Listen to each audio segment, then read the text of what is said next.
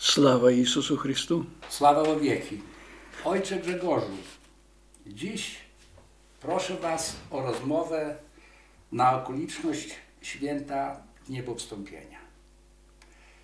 Zawsze proszę, żeby w Waszych rozmowach przywijał się trochę wątek osobisty,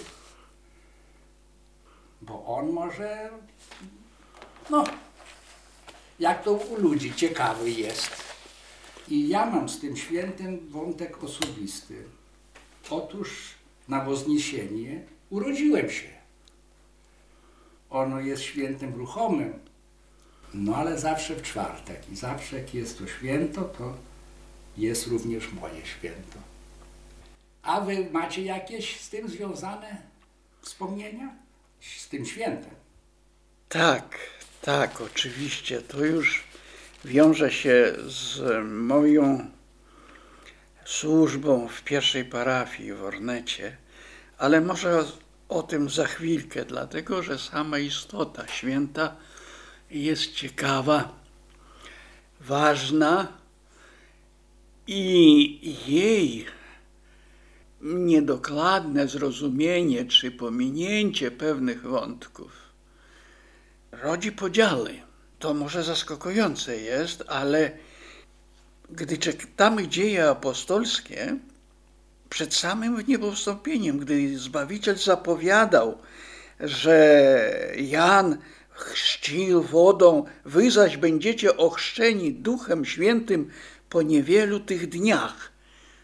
Od Wozniesienia do Trójcy dziesięć dni zostawało. Zbawiciel o tym wiedział o dniu. A oni wtedy, przed samym niebowstąpieniem, pytali Zbawiciela, Panie, czy w tym czasie przywrócisz królestwo Izraelowi? Bóg mówił o niebie, oni myśleli o ziemi. Stąd właśnie nasze rozumowania, ocena tego święta, jego zrozumienie jest ważna w tym, czy będziemy udawać, że twardo stąpamy po ziemi, czy będzie nad tym górowała świadomość, idąc po ziemi, idziemy do Boga. Tutaj jesteśmy gośćmi. Przez 40 dni Zbawiciel przygotowywał uczniów do tej chwili, ale te 40 dni,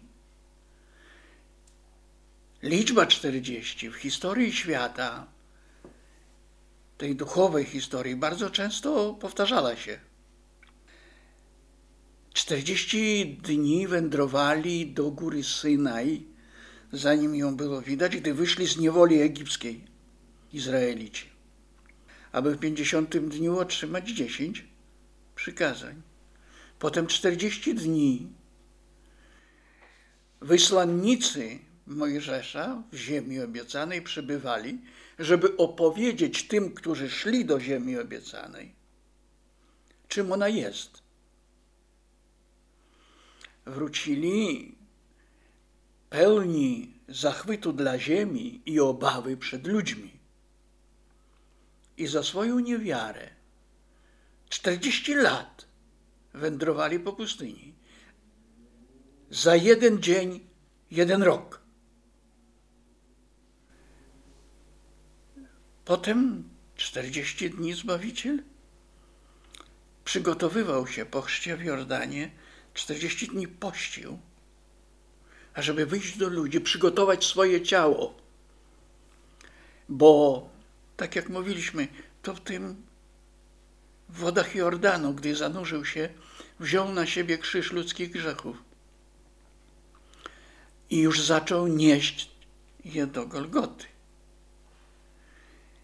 Przygotowywał swoje ciało do tego, co ma nastąpić przygotowywał swoje człowieczeństwo, aby go przebóstwić.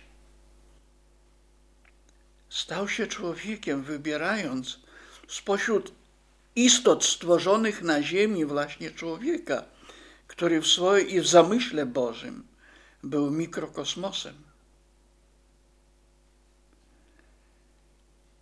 Uczeni mówią, że gdyby nasze krwinki żyły, przez które krew przepływa do komórek naszych rozwinąć, można byłoby opasać kilka razy ziemię w jednym człowieku. Tego człowieka Bóg wybrał, stworzonego na obraz i podobieństwo swoje, ażeby pokazać, jakim może być człowiek, po jakim powinien być człowiek. I dlatego właśnie mówił do uczniów. W Ewangelii Jana są te słowa: Lepiej dla was, że ja odejdę. Jeśli bowiem nie odejdę, pocieszyciel nie przyjdzie do was. Jeżeli zaś pójdę, poślę go do was. Duch Święty, który od Ojca pochodzi, ten będzie świadczył o mnie. I żegnając się z uczniami, ewangelista Mateusz zapisał te słowa. Ja jestem z wami po wszystkie dni, aż do końca świata. Odszedł do niebios, ale to nie znaczy, że przestał być na ziemi obecny. Nie widzimy go. Jeszcze troszkę mnie widzicie, ale potem nie będziecie widzieć, mówił do uczniów. Może dlatego, żeby ludzie nie wymyślili jakiegoś doskonalszego krzyża. Chociaż próbują na różne sposoby. Ale wróćmy do w niebo wstąpienia. Jezus zostawia świat innym, aniżeli go zastał, bo gdy rodził się na ziemi, ziemia była przeklętą, a ludzkość dziećmi gniewu, ząb za ząb, oko za oko. Takie prawo funkcjonowało. Niewolnicy i wolni, i ci przyznaczeni na śmierć, gladiatorzy, czego nie wymyślono tylko. Bóg wstępował w ten chaos ludzkości, a zostawiał przemienione.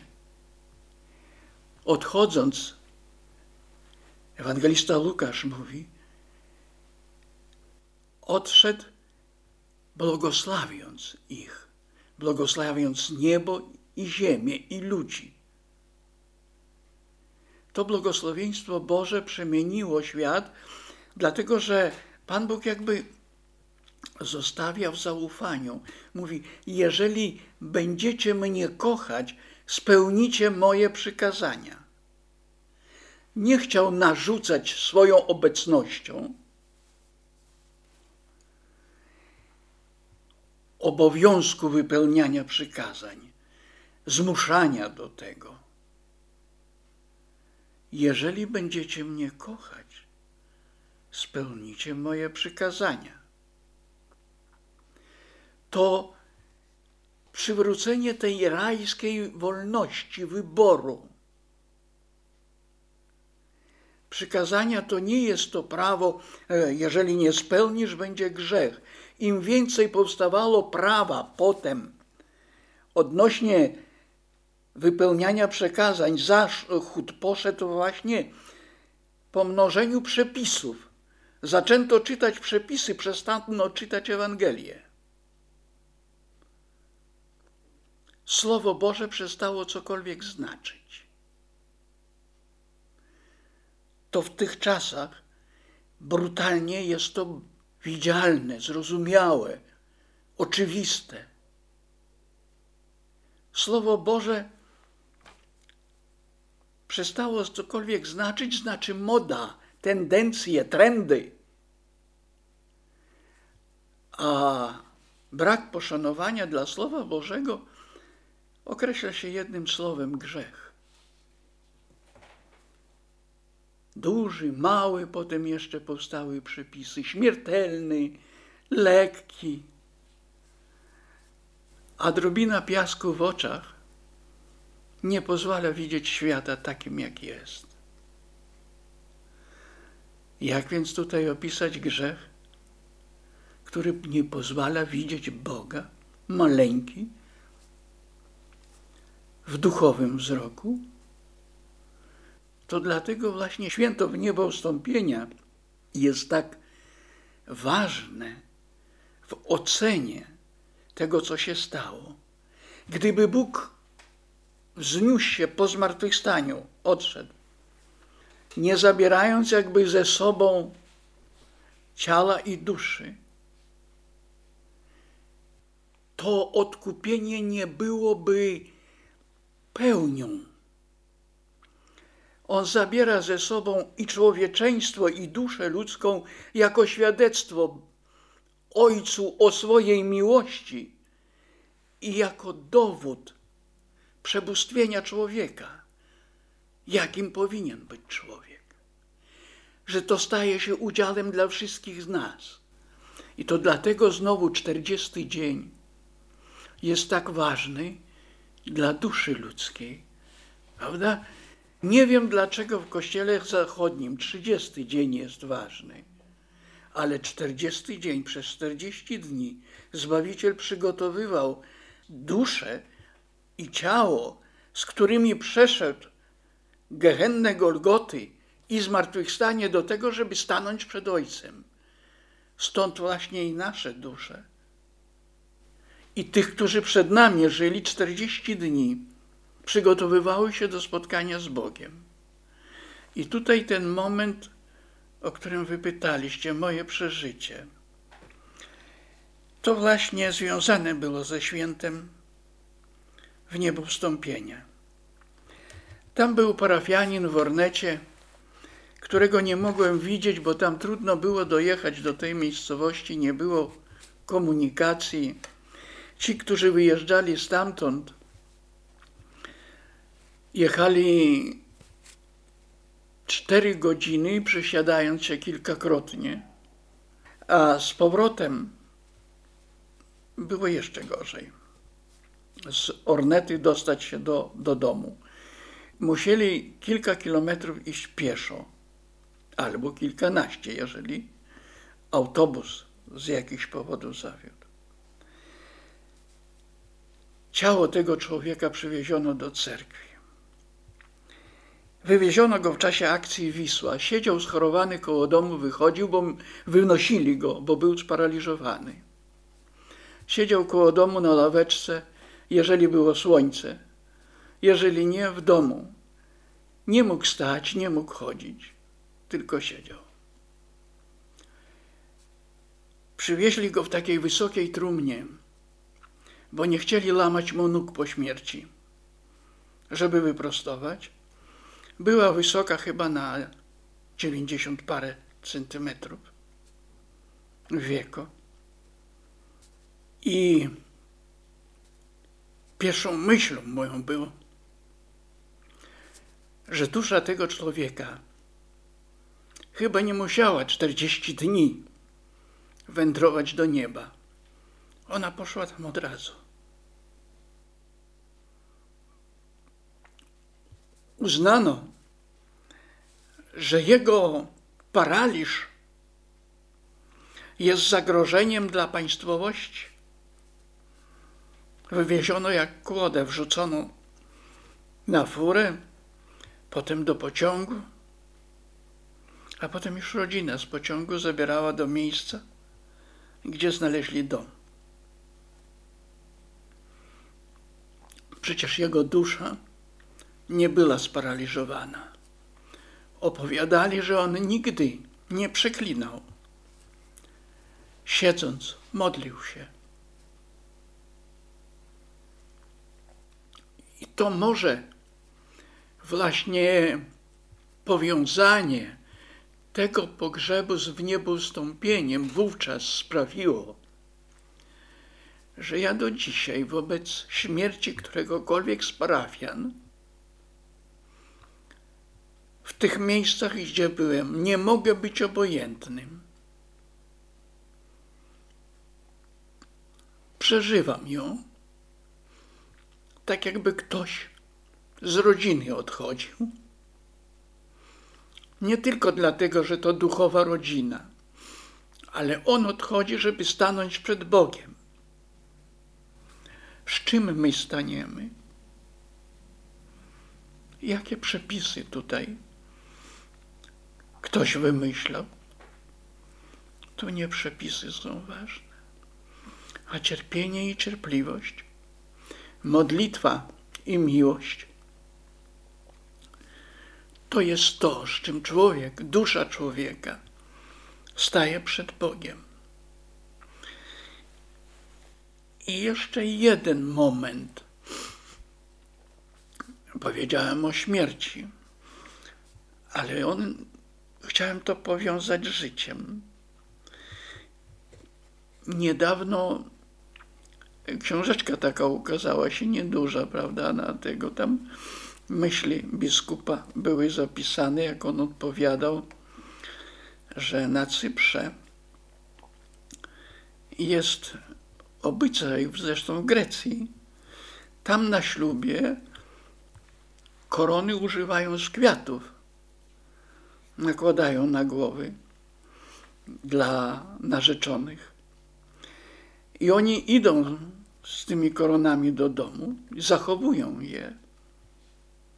A gdy przychodzi chwila śmierci, ci, co przeżyli, dochowali wierności, zakładają im tą koronę na głowę, że zachowali Boże błogosławieństwo nie słowami ja biorę Ciebie, będę wierny aż do śmierci. Ale jedno i drugie, bo drugie, żeby mieć prawo tak samo w tej koronie być pochowane, starało się przeżyć tak samo, dochować wierności sakramentowi. Gdyby wszędzie tak to traktowano, już na marginesie, może mniej by było rozwodów. Ta miłość do Boga. Musimy zasłużyć na to, żeby z koroną, którą Bóg nas błogosławił na życie, naszą maleńką domową cerkiew, z tą koroną stanąć przed Bogiem. I śmierć tego nawet nie przerwie, bo miłość nie umiera. To znowu, prawda, ten piękny obyczaj pierwszych wieków, który zachował się tam przez dwa tysiąclecia. Ważny, u nas nie zachował się dlatego, że kwiatów nie było wtedy, gdy brano śluby, bo przeważnie śluby były zimą. Robota w polu. Latem była, więc nie brano latem ślubów. Zimą, pod śniegiem trudno było kwiatów naszukać. A korona z jalowca, czy sosny, czy choinki była nie bardzo, była trochę klująca. Nie bardzo mogła służyć za symbol właśnie ukoronowania miłością, żeby każdy dzień był kwiatuszkiem dla Boga i wkładem we własną rodzinę. I świadomość tego również potem przechodzi dalej. Jeżeli z mojej rodziny wychodzi coś, co jest bólem dla drugiego człowieka, to chyba nawet gdybym złotą koronę włożył do trumny, to nic nie znaczy dla Boga. Jakieś powiązania, ojcze, są z tej tradycji. Ja sobie przypomniałem teraz u nas w domu, w ślubnej ikonie moich rodziców, tata zrobił skrzynkę taką dla ikony i w tej skrzyneczce oprócz ikony były dwie świece. To były dwie świece ślubne. Ja zawsze pytałem no z ciekawości, mamo, a dlaczego ty świece, dlaczego nie palisz? Te świece zapalisz, jak ja umrę. To tak było. Tak. Nieraz się myślę o tej historii, prawda? Tak, dlatego, że dobrze by było, ażeby w naszej tradycji właśnie, kiedy Bóg błogosławi nową, maleńką cerkiew, rodzinę, ale te świece stały się tym, czym dla Greków czy tam ludzie mieszkających w basenie Morza Śródziemnego były korony, żeby świeczuszki stały się znakiem, żeby można ich było włożyć w rękę temu, który odchodzi razem z ikonką, którą do rąk zwyczajowo wkładają, prawda? Że dochowali wierności temu, co Bóg pobłogosławił, temu, co Bóg ukoronował.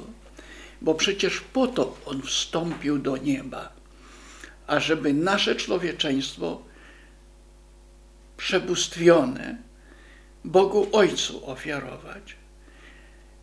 Prawda? Razem oczekując, że ludzie, którzy przyjmują Słowo Boże, będą starali się to Słowo wypełnić, że przekazania nie staną przepisem, a życiem. I między innymi to jest obowiązkiem nie tylko cerkwi jako społeczności, a każdej rodziny jako maleńkiej cerkwi, poczynając. Bo w niej się zaczyna realizacja i od tego, jakie są nasze rodziny, taka jest cerkiew. Dla wszystkich, którzy czczą Jezusa, który zniósł się do nieba, ażeby nam niebo otworzyć, pozdrawiam ze świętem i życzę, ażeby ta świadomość słów Ewangelii, kończących Ewangelię świętego Mateusza, słów Jezusa, ja jestem z wami po wszystkie dni, aż do końca świata, wpisać do swojego serca jak największą sentencję. Nie mówić, Bóg jest daleko, czy nie mówić, że to było dwa tysiące lat temu. Bo to, co ja w cerkwi nieraz powtarzam, u Boga tysiąc lat jak dzień jeden. Jeżeli mówimy, że to było dawno, to liczmy po Bożemu. To było wczoraj, przedwczoraj. Bóg powiedział to do nas. Bóg cierpiał za nas. Bóg chciał dla nas wieczności, a nie życia na ziemi zniszczonej grzechem. Tak jak teraz próbuje się ją zniszczyć wojną. Boże, obroń nas przed tym. Boże, błogosław nas na korzystanie z tego, co święte i wieczne.